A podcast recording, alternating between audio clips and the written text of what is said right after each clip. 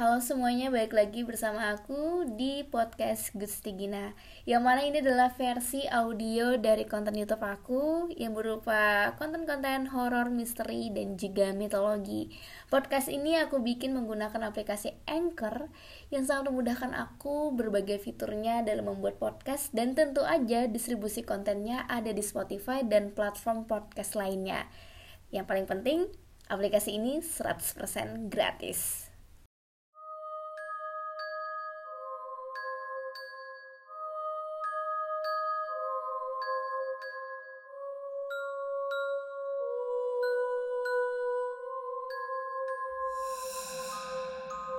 Untuk memangsa korbannya, Manananggal dikenal menggunakan lidah tubularnya yang sangat panjang.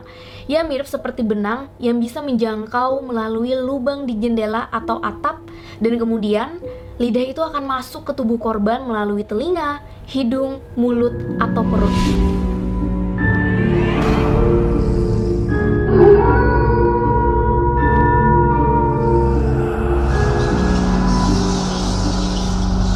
Aku Gusti Gina dan ini Alkisah.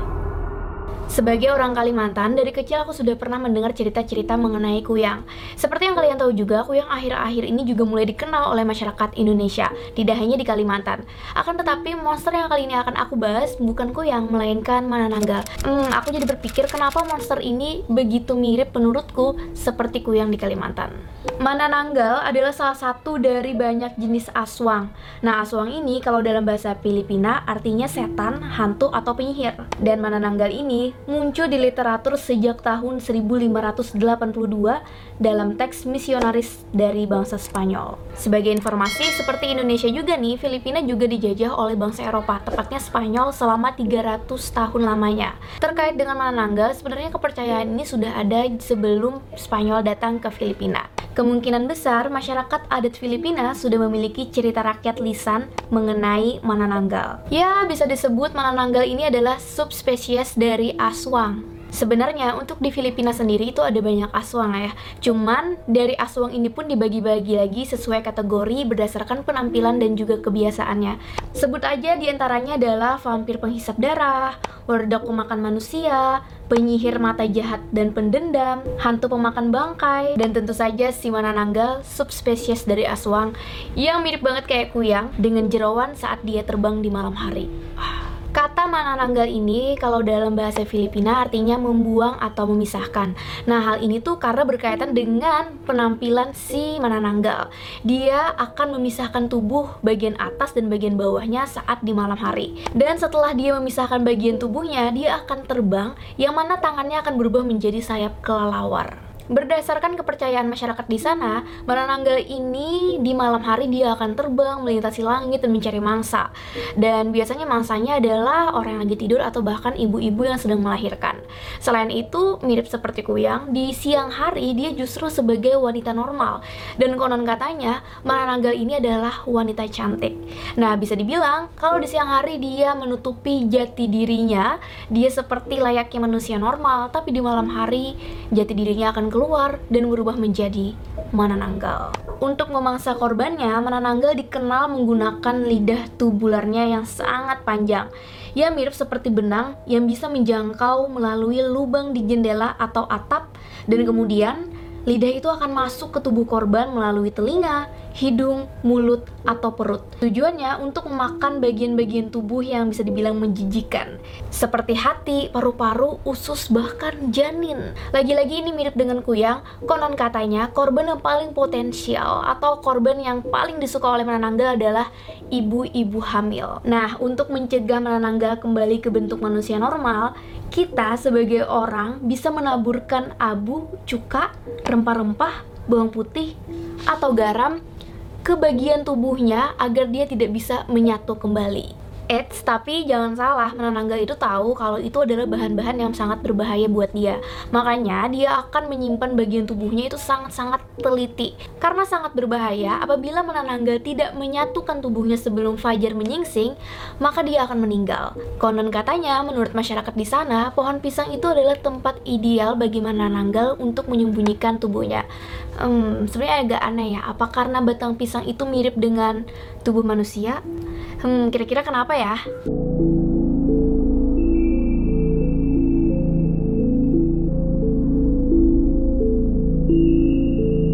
Seorang wanita bisa berubah menjadi nananggal kalau dia memakan seekor bayi ayam hitam yang telah dikeluarkan dari tenggorokan manananggal yang lebih tua atau wanita yang sudah menjadi manananggal sebelumnya. Tapi ada satu cara yang bisa dilakukan agar seorang wanita itu tidak jadi berubah menjadi manananggal. Caranya, bayi ayam hitam tadi harus dikeluarkan dari perutnya sebelum dia dewasa. Ya kayaknya agak serem juga ya gimana caranya mengeluarkan ayam hitam kecil tadi dari perutnya. Apakah harus dibelah atau harus digantung dari pohon secara terbalik dan lalu dipukul-pukul? Entahlah itu kayak serem aja sih. Tapi kalau misalnya sudah terlambat hal itu tidak dapat dilakukan, maka seorang wanita sudah menjadi manananggal. Akhirnya, satu-satunya cara untuk menghentikan dia adalah dengan membunuhnya. Cara yang dilakukan untuk membunuh manananggal adalah dengan menombak bagian belakangnya menggunakan tombak bambu.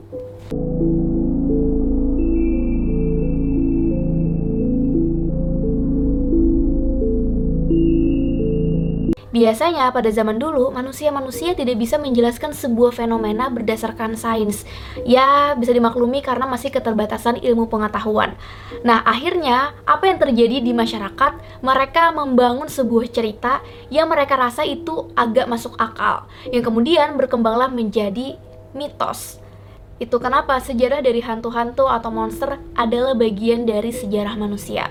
Coba kita pikirkan, di zaman dulu tentunya kalau melahirkan itu masih dengan dukun beranak. Nah, artinya fasilitas medis untuk melahirkan itu masih terbatas. Sedangkan di Malananggal ini disebut-sebut kalau bayi dan ibu yang melahirkan atau ibu hamil adalah korban yang ideal. Hal ini bisa kita kaitkan apabila terjadi komplikasi kehamilan atau bahkan keguguran di zaman dulu, maka yang bisa disalahkan oleh masyarakat adalah Manananggal. Padahal apabila di zaman sekarang bisa aja ada alasan-alasan medis di balik keguguran atau komplikasi kehamilan. Lalu, apabila seseorang itu dipercaya telah dimangsa oleh menananggal, maka akan menyisakan bekas di bagian kulit atau kayak sakit gitu kan. Nah, hal ini padahal bisa diketahui populasi nyamuk di Filipina pada zaman dulu itu sangatlah besar. Jadi bisa aja seseorang itu bekas digigit nyamuk lalu merah-merah dan mereka berpikir itu adalah bekas dari lidah manananggal. Who knows kan?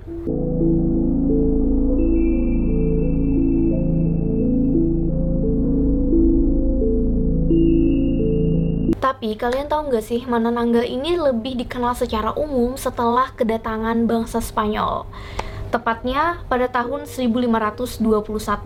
Akan tetapi, setelah Spanyol datang di sana, ternyata dampaknya itu sangatlah besar kepada masyarakat Filipina.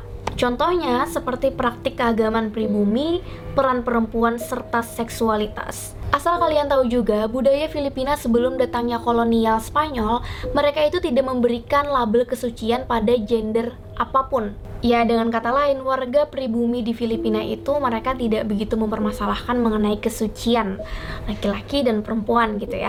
Tapi setelah Spanyol datang dan mereka memberikan pengaruh besar termasuk juga praktik keagamaan Kristen, hubungan seksual di luar nikah itu semakin tidak dianjurkan. So, kalau misalnya mau berhubungan seksual, maka harus dilakukan pernikahan. Pengaruh dari kolonial Spanyol ini cukup besar ya. Mereka bisa dikatakan bisa menghapus kekuatan seksual, sosial, dan agama dari orang-orang pribumi di Filipina. Bahkan mereka juga bisa mengubah cara pandang perempuan di sana. Kemudian, seperti yang aku bilang sebelumnya, wanita pribumi di Filipina itu biasanya berprofesi sebagai bidan atau dukun ya. Nah, karena hal ini dianggap berbeda gitu ya dari kepercayaan Kristen, akhirnya bangsa Spanyol ini mendiskreditkan pengaruh mereka dan mengait-ngaitkan kalau itu adalah manananggal. Ya pikiran aja, itu kan juga di abad pertengahan ya, yang mana witch hunt atau orang-orang yang memiliki kemampuan khusus itu dianggap sebagai penyihir. Bahkan perburuan penyihir di Eropa itu kan besar-besaran. Jadi ya perempuan yang memiliki profesi sebagai bidan atau dukun bakal dianggap benar-benar mengerikan. atau bisa dikucilkan dari sosial. Menurut para ahli, terutama ahli sejarah, mereka mengatakan kalau keberadaan cerita Menananggal ini memiliki dampak sosial kepada masyarakat di sana. Salah satunya adalah arsitektur.